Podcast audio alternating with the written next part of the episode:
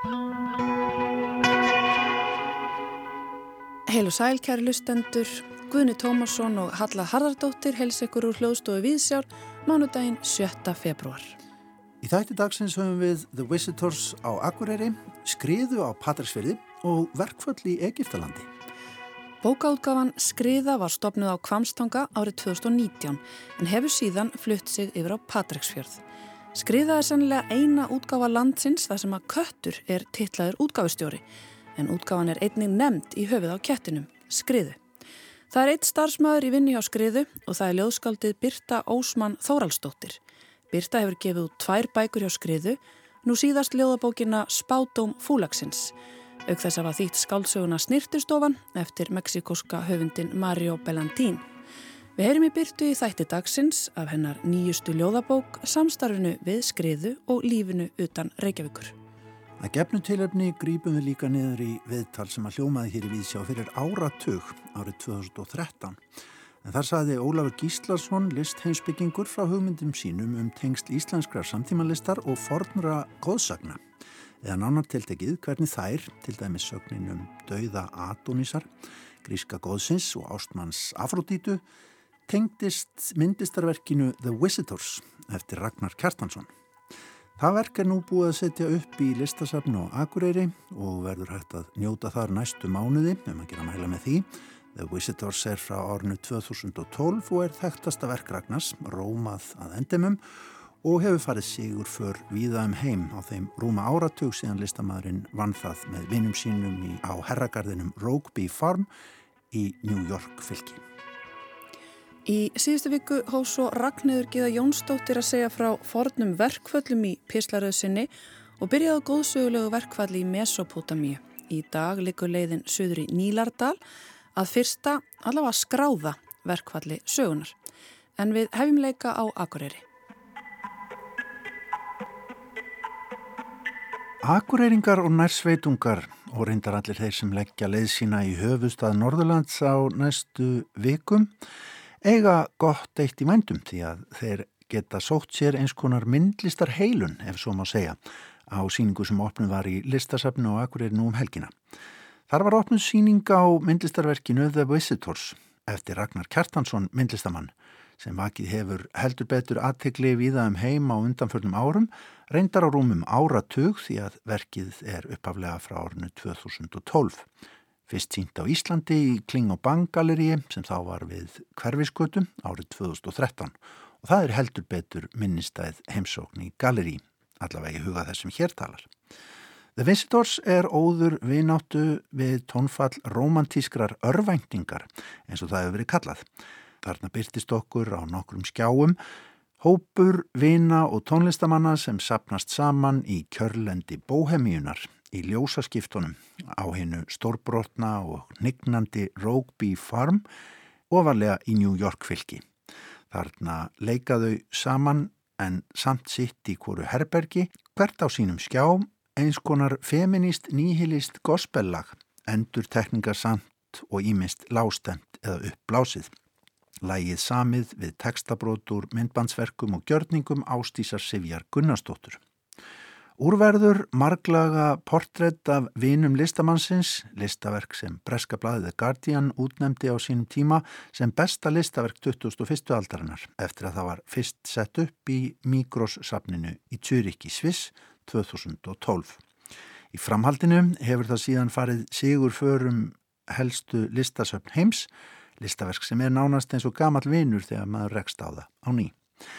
Þetta er Nefnilega verk sem að gjósanlega segraði mann á sínum tíma, þetta langa tjam sem gestinnir í niðurnýta fyrirmannshúsinu bandariska matla saman, þessi langi, langi tónlistargjörningur sem þau sjóða upp saman en samt einhvern veginn einangruð hvert í sínu herrperki með heyrnatól til að heyra eitthvað í framvindu tónverksins.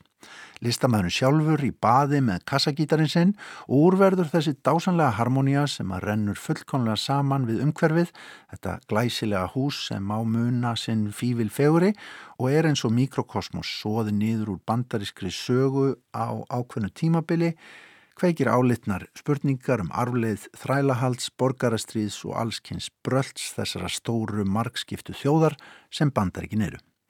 En árið 2013, þegar The Visitors var syngt í Reykjavík, var rætt hér í vísjá um verkið við Ólaf Gíslason, listheimsbygging sem setti það í fyrirlestri í samhengi við tónlistina og ástina í myndlistinni og í vítt, góðsögulegt, myndlistalegt samhengi. Við skulum heyra aðeins hvað Ólafur hafði þá um verkið að segja en hugleðingarnar sem meðal annars tengdust fornum góðsögnum kviknuðu upp úr kennslu hans eins og hann rakti sjálfur hér í vísjá. Ég er að uh, kenna námskeið í listáskólanum sem að fjallar um listasöguna sem fyrirbæri eh, sem eh, eiginlega sem heit Ulda minni mannkinsins sem fælst í myndunum. Það sem myndirnar eru að meira minna leiti orðnar eins konar vofur sem við höfum glemt í fortíðinni en koma til okkar stökku sinnum og eru okkur lífsnæssunlegar til þess að halda tengslum við fortíðinu og okkur sjálf.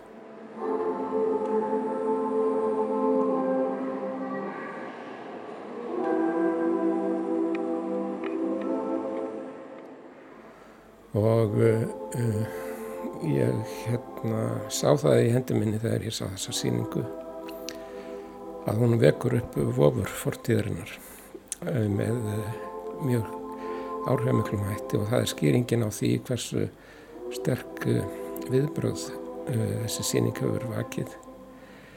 Vegna þess að fólk finnur í henni eitthvað sem býrið um sjálfum en það er ekki alveg, með, sér ekki alveg meðvitaðum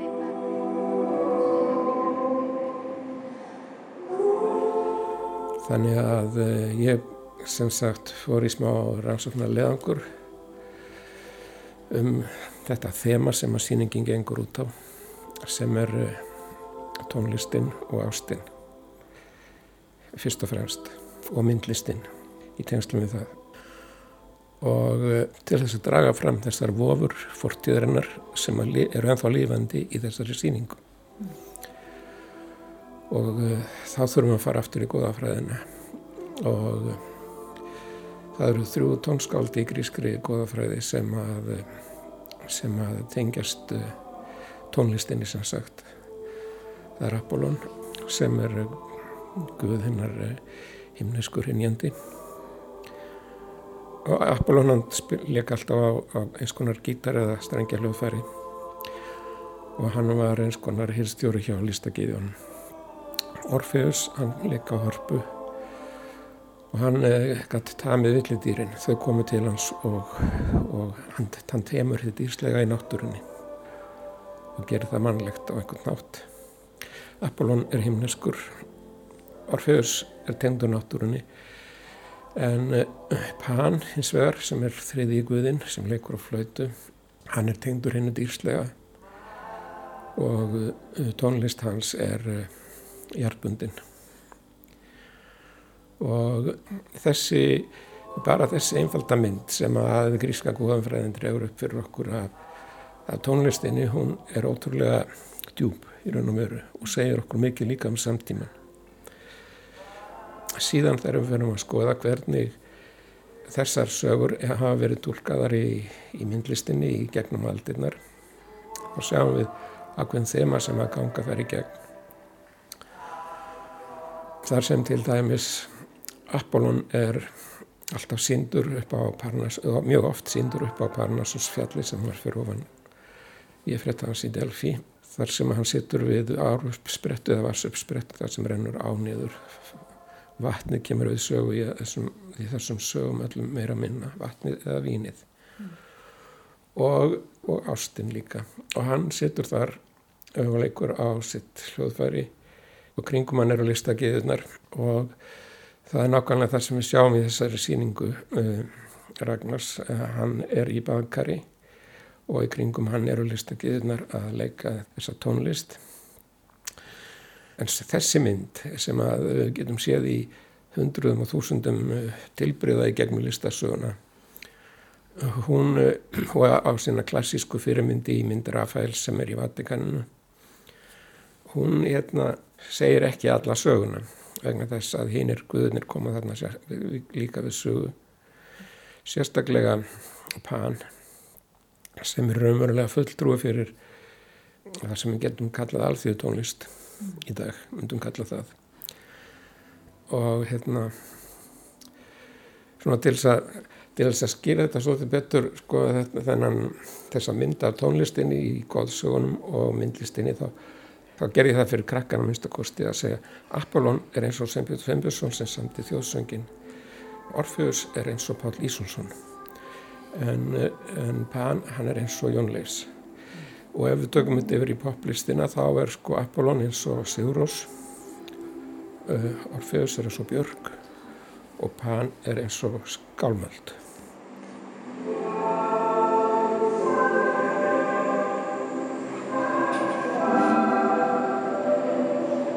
En hvernig tengist þetta ástinni?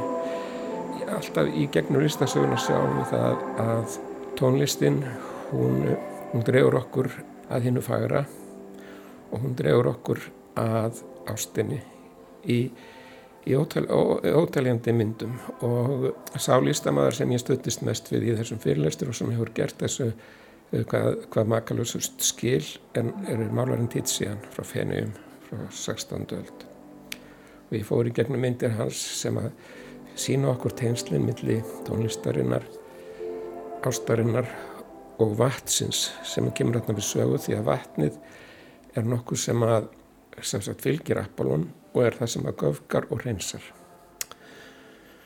Og þegar hérna Tizian gerir mynd sína af henni heilögu og henni verallegu ást eins og henni kalluð, þar eru tvær giður sem að sitja við baðkar Eh, og rómast gammalt, eh, gamla, sem er komið líkista og marmara sem var búið að breytta í laug, uppsprettu laug og við, þar er eros og sem sullar í vatninu og vatnir ennur og vekvar rósin. Og þetta er, þetta er mynd sem að, eh, sem að tengist að mínu mati sögunni af Venus og Adonis sem er bara kjarnin í öllum ástarsögum.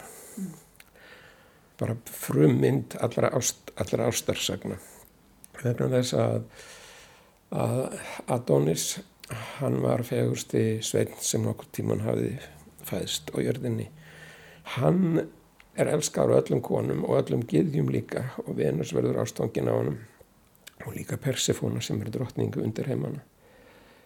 Og hérna einu sinni ástarfundi sínum með Venusi þá þá langar Adonis að fara á veiðar og hann að, vil fara á, á villidýra veiðar en Venus var búin að segja hann að það veri hættulegt.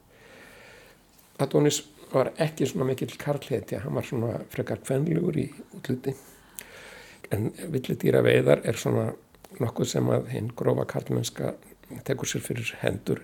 Mm. og Tizian málar þessa mynd þar sem, að, þar sem að Adonis er að yfirgefa Venus til þess að láta undan þessari löngun sinni, þessari karlmennsku löngun og bakvið er Eros sopnaður og búin að leggja frá sér örfarnar og örfamælin og allt saman því að ástinn víkur fyrir, fyrir þessari þrá eftir, eftir þessari karlmennsku. Og þar mætir hann villi sínunu sem drefur hann. Og þessi döði Adonis er eh, í goðafræðinni bara svipaður mm, döða Krists. Og hann er líst í gegnum listasöguna sem álíka stórum atbyrði og harmur uh, Venusar verður svo mikill að hún verður köld í ástinni. Hún verður það sem er kallið Venus fríkýta og Seifur hann bjargar henni með því að segja að Adonis megi koma til jarðarinnar haldt árið eða svo. Og þá sprett upp animónirnar á jörðinni. Mm. og þá er haldinn Adonia sem er hátið Adonis, Adonisar var haldinn í Greiklandi, hún var haldinn bara á konum og bara á einhleipum konum sem langaði að njóta ásta með kallmannum. Þetta var svona eins og páskarnir fyrst gífurleg sorg þar sem það er hljóðuðu sorgarsönga um hinn horna Adonis alveg og grátkonur gera yfir, yfir innlátna mm. og síðan uh, tóku þær hérna, júrtir sem það fór með upp á hústökinn þetta var um hásumarið og þessar jörtir þar og spýruður rétt og skrænuður svo. Og, og, og þá var, voru haldnar orgjur hvernlegur orgjur þar sem það reyndi að laða til sín karlmenn. Og hérna þessu er líst eh, í óteljandi myndum í, í listasögunni. Og það eru til myndir sem sína okkur Adonis sem liggur látin ofan á svona kistu sveipari og baðgarðans Ragnars.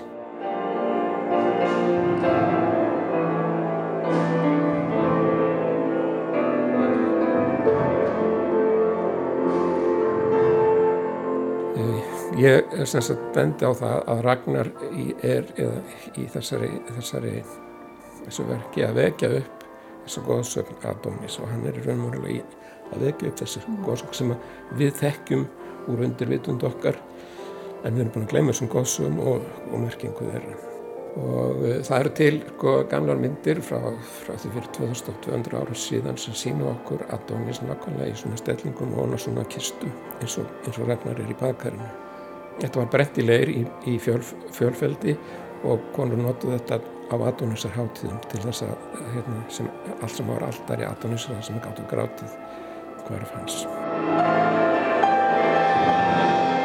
Þegar að animónurnar hérna, vaksa á sömrinn út á akrinum og hann verður eldur og auður þá er það blóð Venusar sem sprettur upp. Líka því að hún blóðgæði sig á rósarúnanum þegar hún var að hlaupa að bana beði Adonisar. Og þetta engi sem að verður að, að blóðbæði Venusar það kemur líka fyrir í þessari, í þessari síningur Agnars bæði þar sem að allir þáttakendur fara út á engið. Og líka er eitt vegmálverk í einu herbergjana í húsinu með svona agri með, með animónum mm. og það er ótal hlutir inn í húsinu og í öllu þessu umhverf sem minna sem að hafa tengsl við allar þessar goðsögur. Og hérna með þessum hætti sem sagt er þessi síning atbyrður sem við göngum inn í þar sem að lifna fyrir okkur gamlar vofur sem að búa í dölvutund okkar og sem að við okkur er lífsnöðsynlegt að halda að hafa samband við. Og það er það sem að listamæðurinn gerir að hann ómeðvitað kallar hann fram þessar vofur og hjálpar okkur til þess að hafa samband við okkur sjálf og vita hver við erum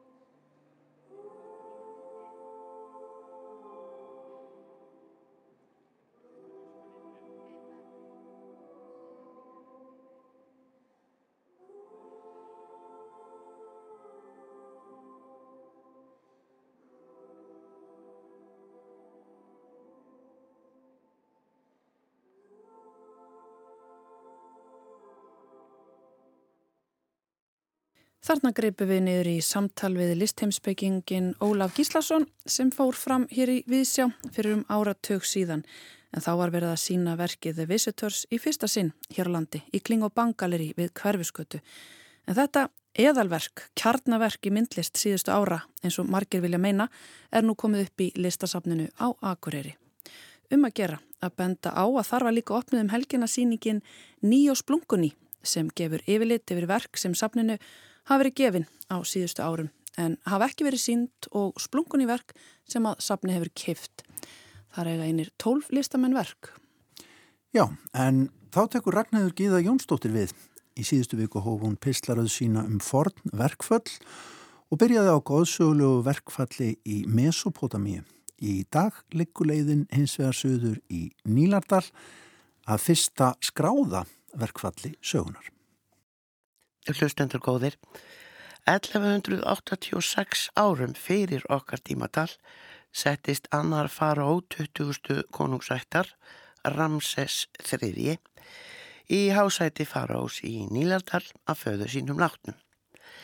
En emdi eftir af áhrifum sýrbreytingar faraós átjándættar og valdabaráttu eftir manna hans. Þegar Ramses III hafði setið fimm ári í hásæti bættist svo grátt ofan á svart. Bandalag ættbálka frá núverandi Líbíu réðst inn í vestur Óshólma Nílar, sjálfsagt til eitað betra lífi fyrir sig og sína, auði og völdum. Og var það ekki fyrsta sinn sem berbar hafði ætt í Óshólmana. Herir Ramsessar þriði hafði betur og friður helst í tvö áriða svo. Þá byrtust svo nefndar sæþjóðir úti fyrir miðjarhafströndum landsins. Ef rínt er í fornar egiskar heimildir, gætu þar hafa verið á syklingum bandalag Fordrakríkja, forfæra Etrúska af vestuströnd Ítalíu, stopnanda Líkíu í Littlu Asíu, Sardiníumanna, Sikileginga, Fílistea og Grítverja.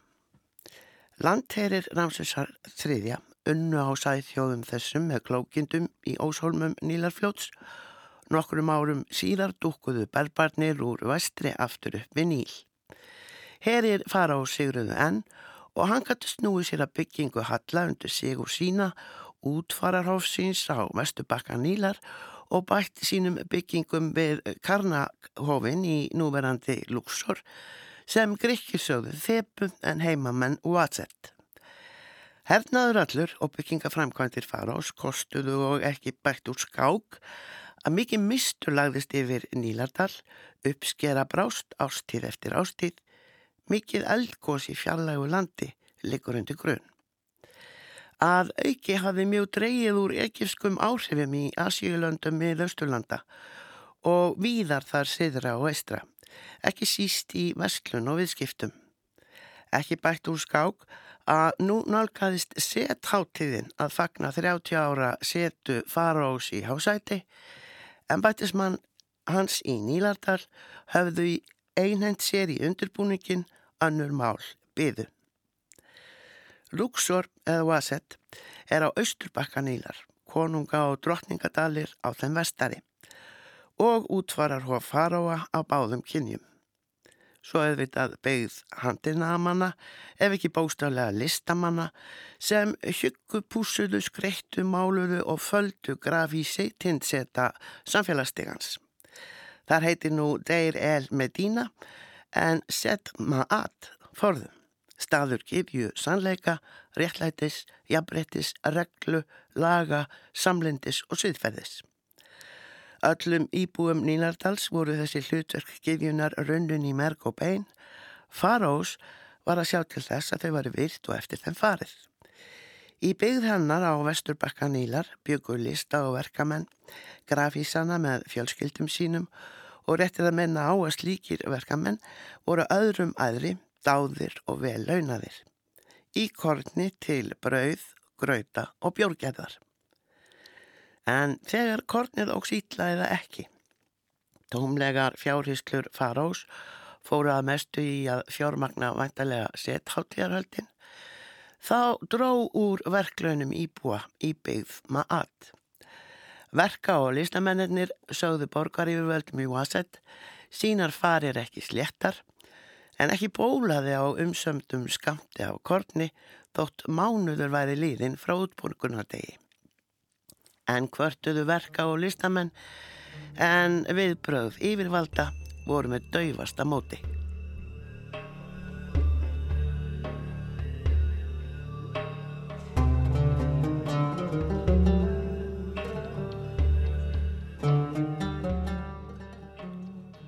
Skrifarar hafðu starfað í Nílardal árþúsundum saman.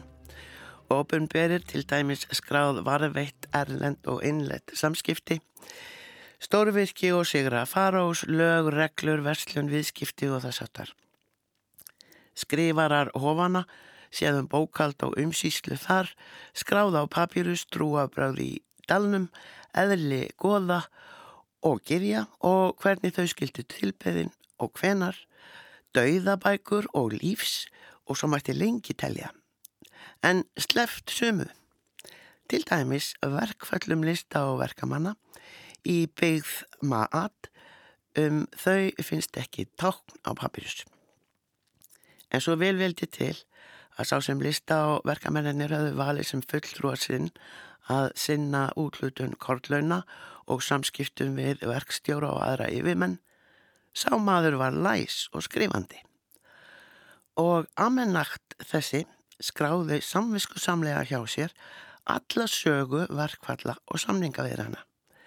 Sem á deilur sínar við gjörspiltan yfir verkstjóra verkamanna í byggð maat, það er allt annan enn áskildur handlegur. Papirusar amennagts fundust við uppgröft í byggð maat. Dagatöl fordra Egipta voru ólík okkar vesturheimsku nútímans.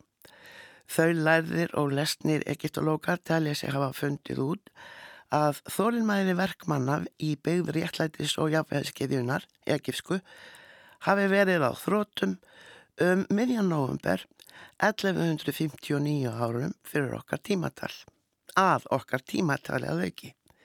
Þremur árum fyrir hátíðarhaldin í tilefni 30 ára valdatíma af Ramsesar þriðja.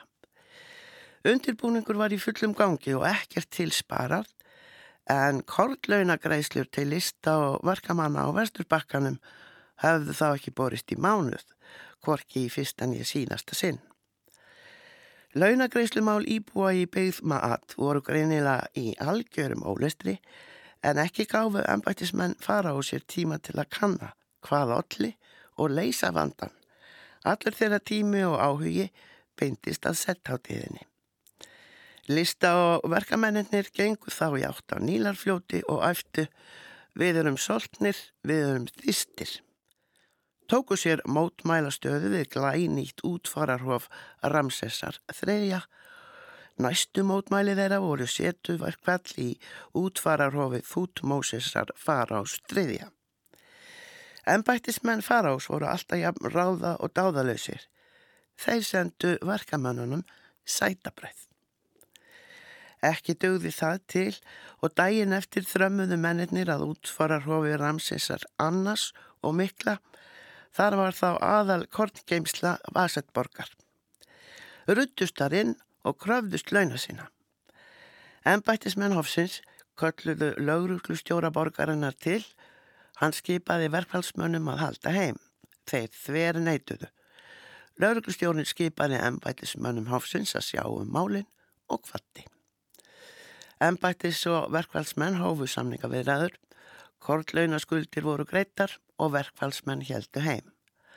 Þar var þeim sagt að næstu launagreislu væri reynd ekki væntanlegar. Verkfallsmenn fóru þá rakleiðis að konungadalnum og vörnuðu öllum ingöngu.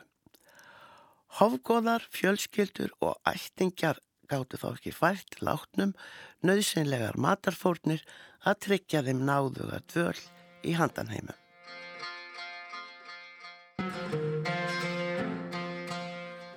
Nú er þetta nefna og undistrykka að maat var ekki aðeins nafngifjun. Orðið maat stóð fyrir allt sem henni tilhefði. Því má segja að fyrsta skráða verkvall sögunar eigi rætur að rekja til launabaróttu en hafi með tímanum þróast út í baráttu gegn spillingu óréttlæti og ójöfniði þeirri gjá sem myndast hafið milli alþýðu og ímisa yfirvalda farás ef ekki farás sjálfs. 30 ára hásættissettu Ramsessar III var fagnað með miklum ágætum. Menn drukku átu, dönsuðu og fögnuðu í nokkra daga 1156 árum fyrir okkar tímatal. Verka og listamenn konunga, drottningadala og útfararhofa og vestubakka nýnar töldust elita sinna stjættar og lagra settir verkamenn hugstuðu sitt. Ef svona er hægt að fara með þá, hvað verður þá um okkur? Þeir fylgdu fordæminu í nokkrar aldir. Á sömu öldum kvoðnaði Egipska fyrir stórveldi niður og sumir Egiptar, Asjeringar, Persar, Makedóniumenn og Rómverjar nýttu tækifærin. Velji hlustendur vita örlög guðulegs tilsjónumanns Egiptalandsins forna voru þau um það byrj svona. Ári eftir háttíðina miklu var hann lagður í grafísi sitt. Í hvejan álmum Egiptalands farós var sérdeilis hugulegt. Skrautgarðar, gósbrunnar, fagulega skreittir veggjur og gólf, hýbíli öll með vandaðasta móti. Þar byggu eiginkonur farós, þær sem hafðu lifað forvera hans af eða ættingja. Konur þessar voru nokkrar aðaldrottningar farós, aðrar lægra settar. Þarna kræmuðu samkeppni og samsæri. Flestar hafðu alveg hún börn, stúlkur og drengi. Einn látt settar í drottninga vildi að þeirra sonur erði ríkið en sínir heldri drottninga voru fyrir sem og fara á sjálfur. Hún og fylgjendurinnar heikuðu hverki. Það kom í ljós í byrjun þessar aldar þegar Egipsk forleifa yfirvöld hófu skönnun þeirra múmia sem undurtu heyra og þar að meðal var Ramses Faró þriðji. Hann hafði ekki látist fyrir aldur fram úr sótt eða sjúkdómi, heldur skorinn svo rækilega á háls að hann lést samstundis. Við frekari papirus rannsóknir kom í ljós að látt setta drotningin hafði skipulagt samsærið. Hún Sónur þeirra faraós og 36 aðrir voru teknir að lífi. Sónur þess myrta og aðaldrottningar, Ramses fjórði að sjálfsögðu, tók við. Sögur af verkvöldum lista og verkamanna í Zed Maat spörðust út, menn sem töldu sig þóla órétt gripu til þeirra ráða. Verkvöld tíðkuðust það sem eftir var tíman nýríkisins og öldum lengur. Hina fjölmörgu ennbættismanna farós var að fást við þau. Ólíklegt verður að teljast að þeir hafi allir haft gefjuna maat að leiðarljósi við þau störf ekki frekar en forverðar þeirra.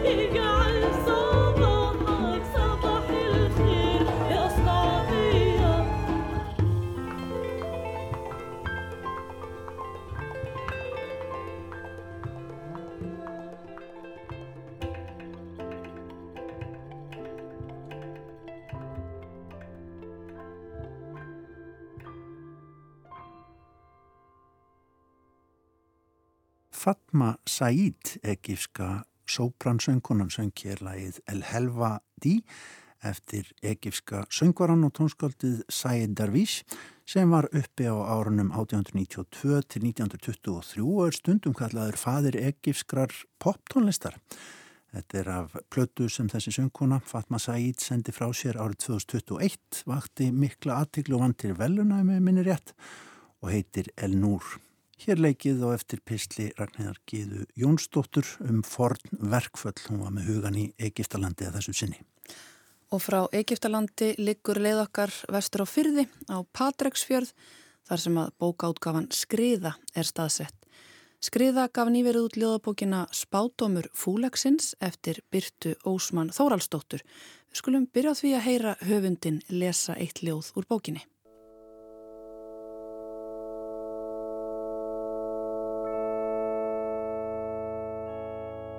Í margar kynnslóður hefur þessi merkilegi fróðleikur fyllt marjörlan við þorpnu. Ef þú býður við bensínstöðuna þegar ferðafólkið fer inn að fá sér kaffi þá býður þín gnægtarborð á stöðuljósum bílana, nýjar og brakandi ferskar flugur, sumar svo nýtöðar að enslar í þeim hjartað. Hér heyrðu við Byrtu Ósmann Þóraldsdóttur lesa ljóðsitt Marjörlur úr bókinni Spátumur Fúlagsins sem bókaútgáfan Skriða gaf út í desember á liðinu ári. Skriða var stopnuð á Kvamstanga árið 2019 en fluttist yfir á Patreksfjörð fyrir nokkru síðan. Kötturinn Skriða er útgáfustjóri en Birta er hennar eini starfsmæður. Skriða hefur gefið út ljóðabækur, skáldsögur, barnabækur og þýðingar og hannar Birta bækurnar í samstarfi við Snæfríð Þorsteinsdóttur. Ég ringdi vestur á Patreksfjörð og bað Birtum að segja mér frá spátami fúlagsins og til að byrja með frá bókaútgáfinu Skriðu. Skriðu æfindirinn hófst þegar ég flutti á Kvamstanga uh, árið 2019 eða ég, ég stopnaði útgáfinu 2019 og það var eiginlega þannig til að uh, þegar ég flutti út á landa þá fann ég að það sem ég saknaði úr bænum en ég er fætt uppalinn í Vesturbænum um, var að, að ég saknaði svona bókmynda eh, viðbörðana í Reykjavík því að geta fara að hlusta annir skaldleis upp og já, vera í svona bókmynda viðbyrðum. Mm. Þannig að þá ákvað ég að sagt, stopna þessa útgáfu að fara að gefa út bækur sjálf þarna fyrir norðan. Þannig að það var alltaf erfitt fyrir mig að vera í samskiptum kannski við alla í bænum og líka þá í leiðin að reyna að búa til smá svona bókmyndalíf þarna. Þannig að ég var með upplestra heima hjá mér í stofunni, svona húslestur þegar bækurna kom út og var með lítið menningasettur hérna líka í Holti, húsinu sem ég bjóði. Mm. Þannig ég var líka að bjóða öðru, öðrum hérna listamennum að koma og, og lesa upp og þannig að þannig eiginlega byrjaði það. Saknaður í rauninni bara þessa bókmyndaumkris í borginni? Já, það var eiginlega svona eina sem ég fann virkilega fyrir því ég flutti út á land. Mér varst mjög gott að fá svo kyrð og rót til að skrifa og nátturinn og allt svo leiðis en það vantaði kannski pínu, já, bókmyndalífið. En hvað kom til að þú ákvæmst að rýfa upp með rótum úr Vesturbæri Reykjavíkur og fara á Kvamstanga? Já, það er, eru nokkar ástæðir fyrir því. Það bara ég var búin að klára að menta mig og var svona horfandi aldrei frálsferðamenn að það hérna var komið sögum og sé mjög fallegt uh, hús sem ég gæti ráði við að kaupa á fallegum staðan alveg sjónum á Kvamstanga og já, föðu fjölskyldan mín er frá Kvamstanga. Þannig að ég svona þekkti svolítið til samfélagsins þannig að þetta var svona þanniglega greið leið inn í samfélagið þannig. Bara langaði að pröfa að breyta til og komast í rólera umhverfi og kannski aðeins svona einfalda lífið. Örgla góð leið líka að opna útgáðuforlag og menningarsettur til að svona tengjast bænum. Já, það virkaði mjög vel og það bara gekk rosa vel. Það var uh, alltaf alveg stút fullt eila. Þetta var enda lítið hús en, en það er sama. Það var mm -hmm. held ég bara frekar góð mæting með að við á svona litlum stað og þetta var rosalega skemmtilegt. Maður kynntist fólki sem hafði áhuga á bókmyndum og, og listum og svona. Þannig að þetta, já, þetta var gjöfult. Þú ert sjálf mentuð í myndlist og ritlist. Myndur þú segja að það væri góð grunnur svona fyrir útgáðabransan? Já, ég held að það hefði nýst vel sko. Myndlistin kemur kannski þannig inn að þegar ég er að hugsa um hönnun bókana að það svona skiptir mig kannski uh, já, ekstra miklu máli út af því ég kemur myndlistinni og svona mm -hmm. sá hluti er kannski sterkari í mér einhvern veginn, mér finnst að, já, þannig ég hafði sambandi Snæfriði Þorsteins uh, hönnuð sem að hefur komið að því að hanna allar þessar bækur, eða flestar, það er reyndar tvær sem að vera hannar á öðrum og já, svona rætti ákveðnar hugmyndir við hanna sem að hún vann síðan svona út frá því. Það samstarf hefur líka verið rosa gjöfult og skemmtilegt. Já, útlitið kefur auðvitað alltaf eitthvað svona aðeins uppi allavega um innihaldið og þessar bækur hafa mjög sterkan svip þegar við skapaðum einhver tón og það eru svona einfaldar en, en samt svona afskaplega fallegar og svona efnismiklar, góður pappir og fallegt umbrot og mikið lagt í þar greinlega. Já, það er eitthvað sem að skipti mig miklu máli og þegar ég fór út í þennan bransa þá fannst mér svona doldið skorta kannski þessa hvað maður að segja, bara þessa fagurfræði varandi bókina sem grip. Ég svona hef saknað þess daldið, mér finnst orðið daldið oft svona lélugur þunnur pappir einhvern veginn í mhm. bókum mm -hmm. í dag. Uh, handverkið ekkert sérstaklega, þetta er svolítið meira svona, hvað maður að segja, kannski bara svona sölmennsku triks sem að ég skil alveg því að það er náttúrulega bara allir að reyna að eiga í sig og á og maður þarf stundum að beita einhverjum sölutriksum til þess. En ég ákvaða að fara hinulegðina og láta þetta einhvern veginn bara gerjast og, og réttu lesendurni kæmi bara með tíð og tíma í staðan fyrir að vera með kannski mikið læti í kringum þetta og trúa svolítið á að það væri ennþá til fólk sem hefði áhuga á því að handleika fallegan pappir og, og svona einhvern veginn finna fyrir handverkinu í gripnum. Góð, eins og þú sagður, þú stopnar útgáfuna 2019 og, og hérna fyrsta bókin var uh, Örsaknarsafnið Insamræður og síðan hefur gefið út töluvert barnabækur, ljóðabækur, fleiri og skáldsögur og þýðingar. Er það eitthvað sérstakt sem að bækur, eða hvað er það sem að bækur þurfa að hafa til að koma stað hjá skriðu? Það er eiginlega bara, það er ekkert sérstakt ég. Ég nota bara svolítið innsæð og svo náttúrulega hefur skriða kötturinn náttúrulega úslita vald með þetta allt. Þannig að já, við hefum bara notað innsæðið daldið sko. Og þegar hérna, einsamræður kom út þá kom líka út ljóðbók eftir Sigurbjörgu Freiriks sem heit Vínblóðar varir. Og hún gaf mér líka út ljóðbók núna þegar ég gaf út síðustu ljóðbókinu mína. Þannig að bara hittist okkur þannig á, við vorum búin að klára nýtt handrit á sama tíma. Þannig að við hefum tvísar svona komið út saman með bækur eða samtímis sem er mjög skemmtilegt. Já, en annars hef ég bara svolítið gripið einhvern veginn, stundum fæ ég einhverja sterka tilfinningu sem ég hef bara treyst á en, en hins vegar það er fullt af handreitum sem ég hef fengið sem ég hefði mjög gertnan vilja gefa út en hef bara ekki bólmagn til þess eða fjármagn og, og tíma og, og þannig eins og staðanir. En hvernig lifir svona lítil útgáfa þar sem að útgáfustjórin er köttur og þú ert eini starfsmæðurinn á plani? Það er alveg doldið svona maus stundum getur verið. Um, það náttúrulega hjálpar mikið til að uh, það er að sækja um styrki hjá miðst íslenskar bókmynda. Það hefur skipt alveg sköpun fyrir mig uh, og þegar ég stopnaði útgáfana þá hafði ég fengið nýrættastyrk þannig ég notaði uh, þann pening til þess að gefa út mína bók og Sigurbjörgar og startaði útgáfanu með þeim peningum. Þannig að styrkir skipta miklu máli og svo bara að vera duglegur að vinna á kvöldin og þeim væri fríi í hinni vinninu sinni og já, svona sjálfböðaliða starf eins og er hjá okkur skriðin við bara sinnum eftir bestu getu en, en þar leiðandi náttúrulega já, get ég ekki gefið kannski út jafn mikið og ég myndi vilja á hverju ári. Segðu mig frá spátómi fúlagsins og svona hvaðan ljóðin í henni spretta. Það er þarna fugglar og, og fjara og mikil náttúra og náttúru öll og, og tíminn og, og tilgangurinn og allt þetta stóra í lífinu. Já, um, ég myndi segja að Um, þau hafi öll svona gerjast hérna eftir ég flutti á Patrísfjörð á vestur. Þá er maður alltaf mikið að bara ganga um svæðið, skoða staðina, einhvern veginn upplifa, upplifa staðin tóltið í fyrsta skipti eins og bann einhvern veginn og það bara, já, það er einhvern veginn, þetta var svona mín leið held ég til þess að vinna úr því. Einhvern veginn bara að vera að nema staðin sem ég var komin á og svona horfa á hann, um, já, með svolítið svona um, ferskum augum kannski og þá er upplifun rosalega sterk þegar maður er svona einhvern veginn að, já, uppgöta staðina og finna fyrir þeim einhvern veginn. Og svo var ég að vinna líka sem landurur síðasta sumar á Látrabjargi og það var mikill innblástur í því líka.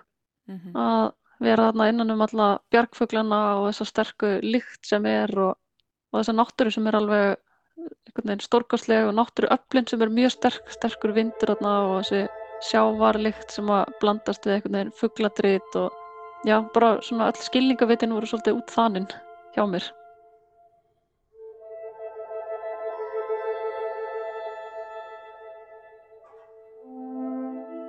Í augum fugglana opinberast draumar sem þú hélst að þú hefði glatað og tínt.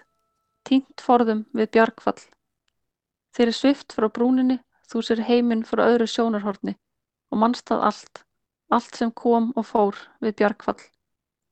En nú stendur þú hér, fyrir ofan garg bjargfugla og nemur við brún. Nemur haf, loft, jurtir, fugladrits angan, kaffið í kokinu.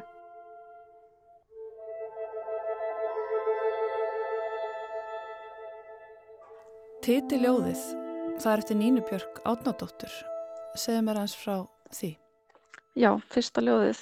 Um, það sagt, kom bara doldið til minn. Ég hef lengi haft uh, bara mikinn áhuga á hveðskap Nínu Björkar og hún er svona einu af mínum uppbóls um, ljóðskaldum. Þannig ég er mjög ofta að glugga í bækundarinnar og svona opnaðir bara á einhverjum stað og, og einhver tíman í sumar eða vor þegar ég var að vinna í þessum ljóðum að þá opnaði ég á þessari síðu og mér fannst þetta ljóð einhvern veginn tengja svolítið saman uh, það sem ég var búin að vera að hugsa um og vinna með.